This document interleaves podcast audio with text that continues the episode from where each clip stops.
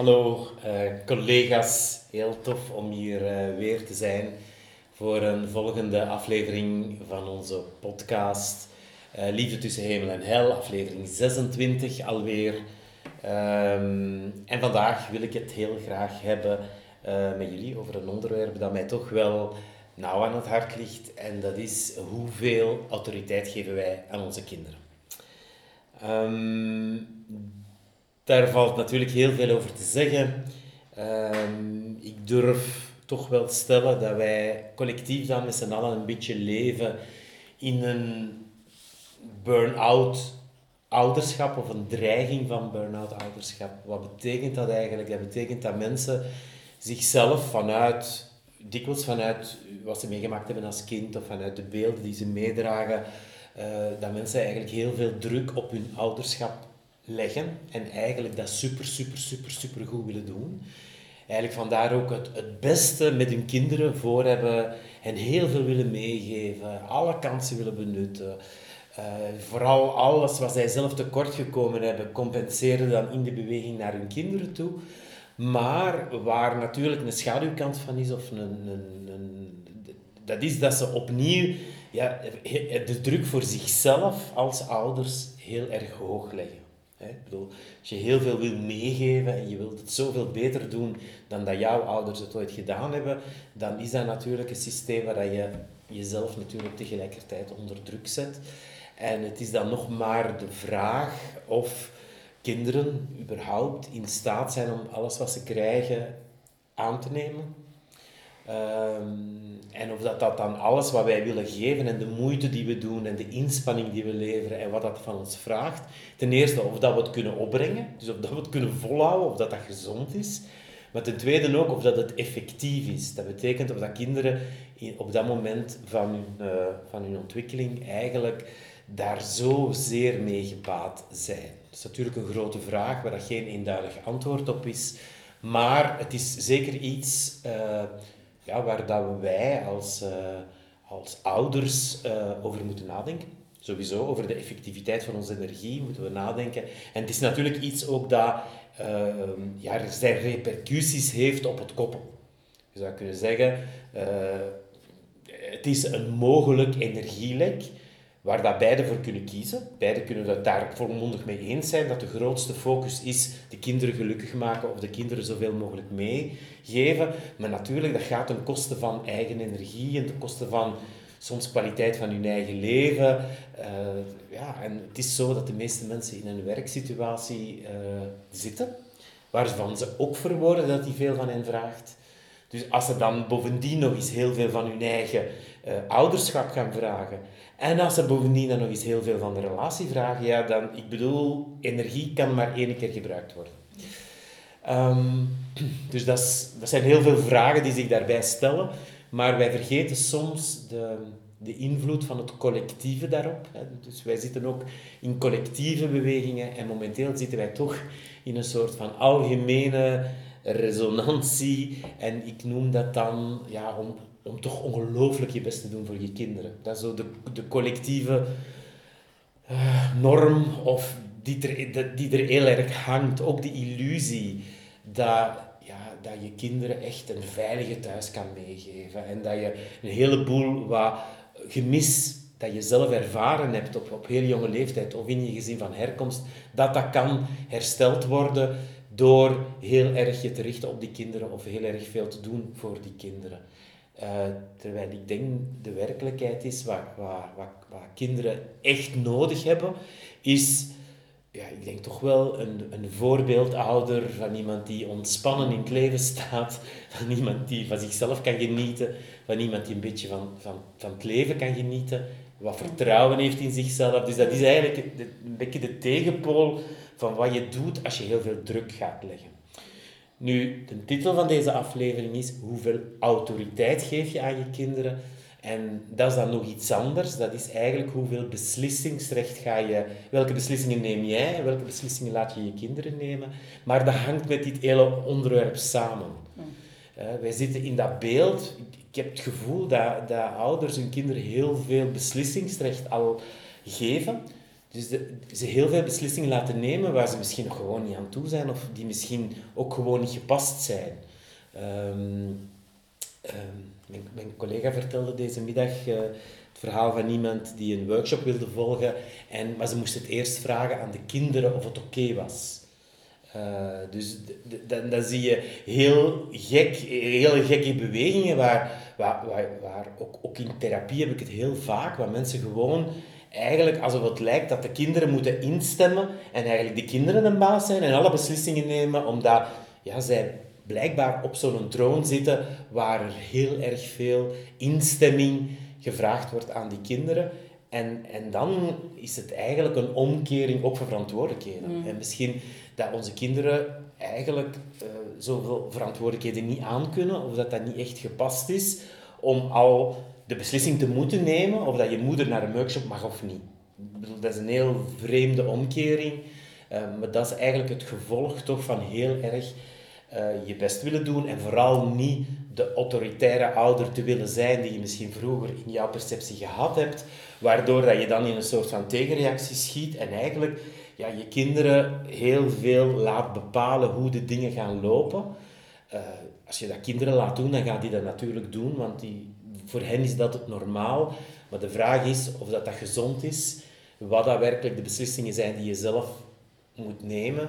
En vanaf welk moment dat je eigenlijk je kinderen dan uh, leert over autonomie en over welke beslissingen zij zelf echt kunnen nemen. Ik denk dat dat een... denk de, de, de tegenbeweging van de autoritaire ouders, dat gaat natuurlijk naar de ouders voor wie autoriteit totaal geen, geen waarde heeft. Maar uh, het is zo dat, dat ja, uh, wij, hebben een bepaalde, uh, wij hebben een bepaalde verantwoordelijkheid en dat is ook de verantwoordelijkheid om beslissingen te nemen en daar de gevolgen van te dragen. En ja, ik hou toch nog altijd van het beeld van ouderschap, een beetje het beeld dat ik gebruik is, hè, de kuikens die lopen achter de kip Stel je voor dat dat een omgekeerde beweging zou zijn, dat die kip achter die kuikens moest lopen, ja, dan werd dat totale chaos. want die kan niet achter 15 kuikens tegelijk lopen, want dan wordt die super dood, doodmoe. Ja. Dus ik heb het gevoel dat veel ouders in een verwarring zitten momenteel en eigenlijk heel veel bewegen achter hun kinderen aan. Natuurlijk, als je er maar eentje hebt, dan kun je dat misschien nog uithouden. Maar stel je voor dat je er vijf hebt, ja, dan, dan, dan werkt het niet meer. Ja. En ik denk dat het goed ook is dat kinderen gewoon leren toch nog weer op een nieuwe manier misschien iets over bepaalde autoriteiten of beslissingen die bij de ouders liggen. En dat een bepaalde periode in hun leven heeft dan te maken met volgen of overnemen. En dan kunnen zij, als zij zelf autonoom zijn, leren om hun eigen beslissingen te nemen. En dat is natuurlijk, afhankelijk van de leeftijd, kan daar heel veel over gezegd worden. En ik wil eigenlijk maar grote tendensen uh, schetsen. Maar het is zo dat als je als een kip achter je kuikens loopt, dat je gaat problemen krijgen met je energiebalans. Ja, dat je gaat burn-out geraken, dat dat dan ook repercussies heeft over de energie die je over hebt op je werk. Ja, bedoel, dat hangt allemaal, dat hangt allemaal samen. Dus dat is eigenlijk een soort van beeld dat ik toch eens wou schetsen. Um, ja, dat, dat heeft te maken misschien toch wel met uh, geluiden over ouderschap die ik heel weinig hoor. Ik hoor heel veel allerhande, er wordt zoveel gezegd en geschreven, er zijn zoveel boeken over al de moeite die je moet steken in je kinderen. Um, maar we horen heel weinig van, ja, soms is less more. En soms is het ook goed om goed je, bij je eigen energie te blijven, in je eigen energie te blijven, zodat je je kinderen in elk geval een voorbeeld kan zijn van iemand die gezond in het leven staat. Ik denk dat dat het belangrijkste moet zijn. En ik denk ook wat daarbij komt kijken, is dat onze kinderen op de leeftijd die ze hebben, niet verder ontwikkeld zijn dan wij waren. Bijvoorbeeld mijn zoon op acht jaar, die is niet verder ontwikkeld dan ik was op acht jaar. Die zijn niet bewuster. Dus die zijn in die fase van onbewustzijn. En, en dus ik, ik heb het gevoel dat ouders heel veel willen bieden, maar wat niet echt afgestemd is op het feit dat kinderen nu eenmaal ja, dat het hele bewustzijnsontwikkelingsproces van een kind dezelfde evolutie ondergaat dan dat wij ondergaan hebben. En natuurlijk, kinderen kunnen nu mondiger zijn, of kinderen zijn duidelijk anders nu dan 30 jaar geleden, 40 jaar geleden, 50 jaar geleden, maar ik denk op het gebied van bewustzijnsontwikkeling, dat het verschil daarom niet, niet altijd even groot is. Dus daar heeft het ook te maken met te durven kijken en iets anders te durven bekijken ook wat dat efficiënt is. En, eh, ja, en in dat opzicht uh, jezelf te bevragen in elk geval. Dat is, uh, dat is de grootste boodschap die ik vandaag wil zeggen. Om niet automatisch mee te gaan in een soort van hoge druk dat je legt op je eigen ouderschap. Ook jezelf te kunnen bevragen en te zeggen dat daar ook misschien less more is. Voilà, dat was mijn aanzet voor deze aflevering. En ik ben ik curieus naar wat jullie uh, hierover bij te dragen hebben. Hm. Ik wil wel van start gaan. um, want ik heb wel heel veel herkenning hè, als uh, moeder.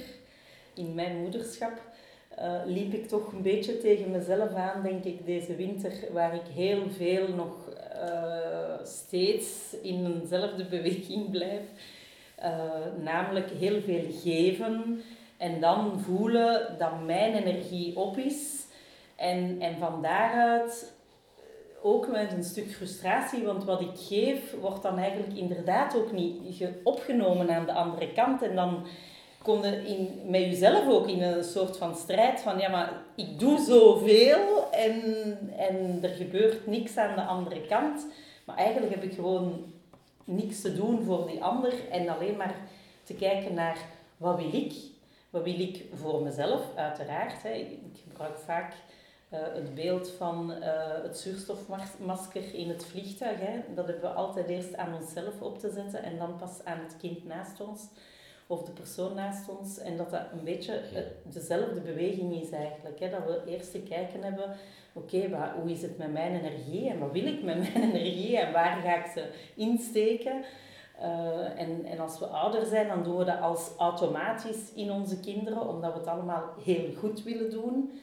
ook vanuit het beeld van de bevestiging uh, van de buitenwereld. Um, dus ik denk dat dat inderdaad een heel groot punt is. En, en wat daarin ook speelt, denk ik, is dat wij heel erg in een collectief leven waar wij graag de vriend zijn van onze kinderen. Hmm. En ik denk dat dat een heel grote valkuil is. Hmm. Wij zijn ouder en wij hebben een verantwoordelijkheid om een kind te leren autonoom te worden in deze wereld van vandaag. Um, en dat moet, niet mijn, uh, dat moet niet mijn vriendin of mijn vriend zijn. Um, en, en ik denk dat van daaruit ook heel veel vergissing gebeurt in hoeveel geef ik u en hoeveel mag ik terug verwachten van u. Hè? Want we, we verwachten dan eigenlijk ook heel veel retour van dat kind. Ja, dat kind, a priori, kun je zeggen, die heeft daar zelf niet voor gekozen om u als moeder te, te mhm. hebben uh, of u als vader. En, en hij of zij is hier om te leren en, en wij om te begeleiden in dat leerproces. En daarin hebben we geen vriendjes of maatjes te zijn. Hè. Um, dus ik denk dat dat een grote valkuil is van het maatschappelijk systeem zoals het nu in ieder geval geëvolueerd is. Hè. Misschien was er in de tijd van, ik word bijna 60, uh, in de tijd van als mijn ouders 50 jaar geleden in de opvoeding stonden, ja, dat was gewoon helemaal anders dan vandaag. En als je echt durft te kijken hoe groot die verschillen zijn en wat dat wij daarin al getransformeerd hebben vanuit het beeld, we doen het beter, maar ik weet niet of dat, dat zoveel beter is, uiteindelijk. als je daarop terugblikt, dan denk ik, ja, ik stond ik eigenlijk best wel goed op mijn eigen poten op mijn twintigste. En, en ik zie heel veel kinderen van twintig nu die nog heel erg in afhankelijkheid zijn van de ouder. Um, dus de vraag is niet alleen voor, voor ons als ouder, wat is het beste, maar even goed voor het kind, hè, wat is het beste voor beide partijen. En ik denk dat, dat, ja, dat, dat daar terug een omslag moet in komen, ik zal het zo zeggen. Ja. Ja, ik, ik, ik ben wel blij dat je dat specifiek benoemt eigenlijk. Dat, dat vriend zijn van kinderen, kinderen bezighouden, spelen met kinderen. Of dat beeld hebben dat je dat moet doen, wat inderdaad heel veel gebeurt. Nu, ik denk wat van alle tijden is, is dat ouders eigenlijk hun kinderen altijd gelukkig willen maken. Ja. Ik denk dat onze ouders ons ook gelukkig Ja, willen ja, maken. Dus dat wij een soort beweging hebben van gelukkig willen maken. De vraag is alleen wat verandert door in de Mm. tijd, is hoe. Ja, Hè, onze ouders die probeerden ons een aantal normen en waarden mee te geven. zeker. Of financieel. Of, hè, en, en inderdaad, de, de generaties nu, nu lijkt het meer te zijn we een soort vriendschap Ja, willen meegeven. Of een soort warmte. Of een soort bevestiging. Maar de vraag is inderdaad, hè, zoals dat wij niet altijd die normen en die waarden van onze ouders met veel waardigheid hebben kunnen aannemen, of daar helder in zagen, lijkt dat ook nu niet altijd te gebeuren. Mm. En, en, en dan lijken de ouders van nu in dezelfde valkuil te komen dan Ja. dat ze, wat ze gemist hebben van hun ouders, gaan ze dan opnieuw missen van hun kinderen. Dus dat is een soort... Maar, maar ja, ik denk dat, dat dat een van de... Dat is ook een illusie die collectief gecreëerd wordt. Hè? Dat, dat, dat, ja, dat, dat kinderen zitten te wachten op, op hun papa of als hun beste vriend en hun Ja, mama als de beste vriendin. Als dat, als dat überhaupt zou, zou kunnen. En dan natuurlijk, ja, dan, dan, dan, dan stelt zich de vraag, hè, als mijn zoon mijn beste vriend is, ja, wie pakt dan de beslissingen? ja, ja. Ja, ja. Hè, dat, dat gaat daar dan inderdaad, eh, inderdaad over. Maar ik denk, als algemene raadgeving zeggen wij altijd van probeer eerst, probeer niet wat het innerlijke kind in jezelf, eigenlijk wat daar nog open staat aan behoeften van vroeger, probeer dat niet te vervullen door dat aan je kinderen te geven, maar geef dat rechtstreeks aan jezelf. Mm. Ja, als je liefde, als je het gevoel hebt gehad dat, dat je heel veel liefde wilt geven aan je kind, ja, geef het dan eerst aan jezelf. En dan zie je wel wat er gebeurt. Hè. En ja, voor mij is dat toch zo dat het zoveel makkelijker toch is. Allee, eigenlijk kinderen graag zien, dat is vrij makkelijk. Hè. Mm. Maar, hè, ik bedoel, Ja, ja. die- dat, dat, dat voelt heel natuurlijk, dat voelt heel makkelijk. ja. Maar om werkelijk te gaan zeggen van oké, ik ben nu ouder, ik heb een bepaalde verantwoordelijkheid. En die verantwoordelijkheid is wel om van, die, van dat kind een, een volwaardige volwassene te maken die kan meedraaien in dit, in dit systeem en op zijn eigen poten gaan staan. Dat is wel helemaal iets anders. Mm. Dat is wel helemaal iets anders. Oké, dankjewel. Dankjewel Sonja.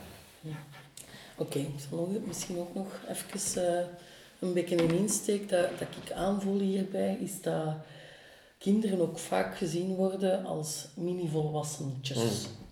Ehm, dus daar wordt heel veel ja, in gezien of op geprojecteerd. Hè. Soms zeggen mensen ook letterlijk, mijn kind voelt dit of voelt dat. Of, of, allee, dus, dus er wordt heel veel geïnterpreteerd van wat dat er in dat kind leeft of, of zit. Maar ik denk dat, dat ieder kind eigenlijk niet is wie dat hij is. Als we kijken naar ons eigen proces, naar ons innerlijke kind toe, dan voelde ook hoeveel lage maskers dat daarop zitten, hoeveel aanpassing dat daar is, hoeveel camouflage dat daar is. Ehm, en ik denk dat dat bij onze kinderen gewoon niet anders is. Maar toch willen wij, en dat is ook een beetje vanuit dat vriend willen zijn of de goede ouder willen zijn, willen wij toch zo, zo, zo dicht mogelijk bij die kern geraken of zoiets. Maar eigenlijk is dat gewoon niet mogelijk. Eigenlijk gaat dat gewoon niet omdat die kinderen zelf niet in staat zijn om daar toegang toe te vinden. Laat staan dat jij dat kunt zelf gaan benaderen of gaan openbreken of wat dan ook. Het zou zelfs gevaarlijk zijn om dat te doen. Ehm, dus ja, ik denk dat wij ze echt moeten zien als ja, wezentjes die, die hier proberen te overleven nu. Zolang dat zij onder onze hoede zijn. En, en je kunt dat natuurlijk doen zoals dat je denkt dat je dat moet doen. Hè. Allee, Je moet wel iets doen. Hè. Je moet als ouder Ja, wel... ondersteunen. Je, moet wel allee, je, je geeft wel iets en je doet wel iets. En daarin zijn we allemaal verschillend. Dus we moeten ook niet bang zijn om nog iets te doen of zo. Het is, maar ik denk dat het altijd een soort van balans moet zijn... waarin dat je moet terechtkomen om, om te voelen dat dat... Ja, dat, dat, dat, dat, dat, dat het niet overslaat, inderdaad, zoals dat je zegt, om je eigen kindstukken te vervullen. Hè, want dat kind moet dan iets worden voor u eigenlijk, hè, en niet voor zichzelf. En, en, ja, dus ik denk dat, dat we dat moeten proberen op een andere manier te bekijken. Ja, dankjewel. Ik, ik, ik denk dat je twee zinnen, eh, dingen zegt die hier eh, heel erg goed bij aanpas, aanleunen en, en die ook heel eh, belangrijk zijn. Ik denk het eerste is eigenlijk het besef dat dat kind nog een heel leven te leven heeft en dat dat hele leerproces over dat hele leven gaat Ja, ja. en dat niet alles in die eerste fase moet gebeuren.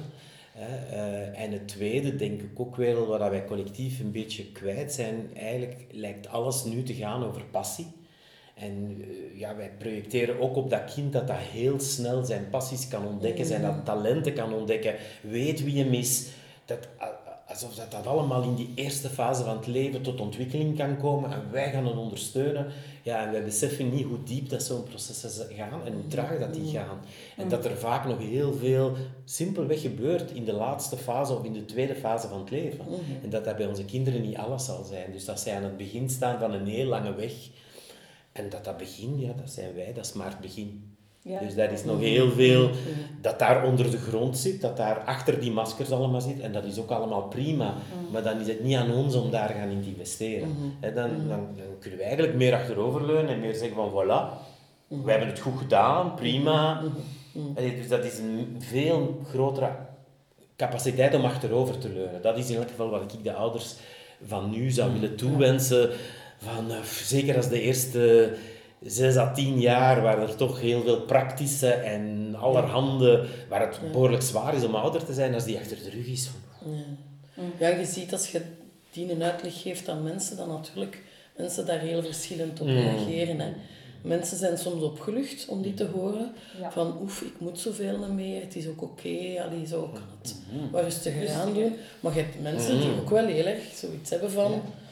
Uh, ja, en... Uh, maakt dit niet af. Ja, ja nee, maakt dit niet af. En, ja. en, ja, die toch, ja, toch willen blijven doen. Die betekenis, ja, als ouderschap, die betekenis geeft aan hun leven eigenlijk. En ik denk dat het dan niet gezond is. Nee. Ik denk dat, dat, dat kinderen, ouderschap kan geen betekenis geven aan jouw leven. Dat is een betekenis die je ergens anders moet zoeken. Want dan, in, dan ga je in een bepaalde...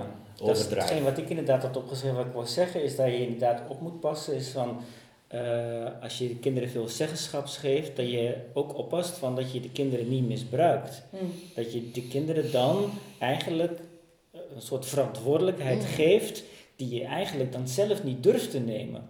want om misschien soms een grens aan te geven of om nee te zeggen of om juist te, aan te moedigen of, of los te laten, dat dat soms ook wel heel erg lastig kan zijn. Mm. En om dan van ja, jezelf misschien, hè, je, je eigen angstig kind of een angstig stuk, toch wat te sussen door het idee te hebben van ik heb het goed gedaan, want ik heb het gevraagd en hij of zij of ze wouden het wel of ze wouden het niet. En zo hebben we het gedaan. Maar ja, dat, ik denk dat het belangrijkste is om inderdaad, dan, ja, dat, ehm, om heel goed door te hebben wat ben je aan het doen. Dat is een beetje een stokpaardje op heel veel plekken, maar toch van, ja, wat doe ik? En dat is natuurlijk waar wij in, die, in, de, in de sessies en in die workshops mee bezig zijn. Dat je gewaar wordt, dat je doorkrijgt van wat ben ik eigenlijk aan het doen wat je voorheen niet zag. Mm. En dat dan soms mensen echt zo zien van, ah ja, ah ja, dat, is eigenlijk niet wat ik wil. Mm. En dan zit er denk ik ook een groot verschil tussen wil je je kinderen iets leren of wil je voor ze zorgen? Mm. Want ik heb met verschillende cliënten, ik moest net aan één, man denken, ik denk dat zijn dochter ergens eh, net 20 plus is. Die zei ja, uh, en die woont nog bij hun thuis. Ja, toch de manier, alle beslissingen die zij neemt om geld uit te geven. En hij heeft financieel geen probleem, maar hij begint nu wel te voelen van in de manier hoe makkelijk zij aan alles geld spendeert en eten bestelt en laat komen en kleren bestelt en alles maar laat komen, dat hij toch zoiets merkt van ja, ik hoef het, financieel heb ik er niet zoveel last van. Maar ik merk dat ik eigenlijk toch er last van begin te krijgen, omdat het misschien niet is. En dan, en dan krijg je ook weer natuurlijk bij koppels, denk ik, van. Uh, dat is de man die ik net zei. Ja, ik zei van, hij, hij wil daar eigenlijk graag wel kijken van, dit is niet het voorbeeld wat ik mijn dochter wil geven vanuit mijn kindstuk, zegt hij dan, had hij dat zo door. Jij wil ik eigenlijk alles geven wat ze nodig heeft, want dat vind ik fijn en dat heb ik vroeger hebben mijn ouders dat niet, niet gedaan. Maar uit mijn volwassen stuk wil ik eigenlijk haar in haar kracht zetten. Hm. En dan had hij zoiets van, ja, door haar eigenlijk nu toe te laten hoe ze alles kan pakken en kan gebruiken en, en kan doen, denk ik eigenlijk dat ik haar niet zo erg in haar kracht zet. Ja. En dan kwam het volgende, dat hij ook zei, ja, en als ik dat wil, dan kan ik dat natuurlijk niet alleen, want ik heb nog een vrouw. Mm. En dan zei, vertelde hij helemaal van dat in haar overlevingsmechanisme heel erg ook zit over tekorten en geven. Mm. Dus zodra hij iets probeert om haar, om, om iets te zeggen tegen die dochter van nou even een keer niet of wat dan ook, ja, dan wordt het, het kind van die moeder haar, wordt gelijk getriggerd en die kan dan niet zeggen van hé, hey, waarom wil je dat of weet ik veel wat. Die springt daar bovenop. Ja, dat is natuurlijk ook een hele lastige dynamiek. Mm. En dat is Ja, ja. echt denk ik wel, de, de, de- ik ben daar nu een tijdje met hem mee bezig en hij is wat aan het oefenen, maar dat is denk ik ook echt lastig om, dat, Ja, ja. om in die dynamiek daar proberen verandering eh, in te brengen. Dankjewel. Ehm. ik, ik, ik denk dat we, dat we moeten durven onder ogen zien tegenwoordig dat wij een, uh, ja, een verwen-ouder generatie zijn. Ja. Dat we ze verwennen. Ja. En ja, ooit heeft een of andere therapeut of opleider tegen mij gezegd, verwennen is misbruiken. Omdat je verwent voor jezelf, niet voor de ander. Ja, dat is natuurlijk heel... Ja, hè, jij zei ook al misbruik. Ik, ik denk de situatie waar heel vaak misbruik is, is als we jonge kinderen laten beslissen bij wie ze willen zijn, in geval van echtscheidingssituaties. Hè. Eh, Eigenlijk kunnen kinderen al zeker niet kiezen tussen de ouders. Dus dat is een soort van verantwoordelijkheid die bij hen moet weggenomen worden. Omdat ze natuurlijk, als ze mogen kiezen, Ja. gaan ze iets kiezen. Maar de vraag is of dat zij zelf kunnen de consequenties, zeker op lange termijn, onder ogen zien. En meer en meer... eh, ehm, dus dat zijn eigenlijk allemaal vragen rond datzelfde, waar we ons moeten durven de vraag stellen van eigenlijk, wat zijn de, de, de keuzes die wij echt moeten maken en waar we de consequenties moeten dragen. En die we ook moeten maken in hun plek.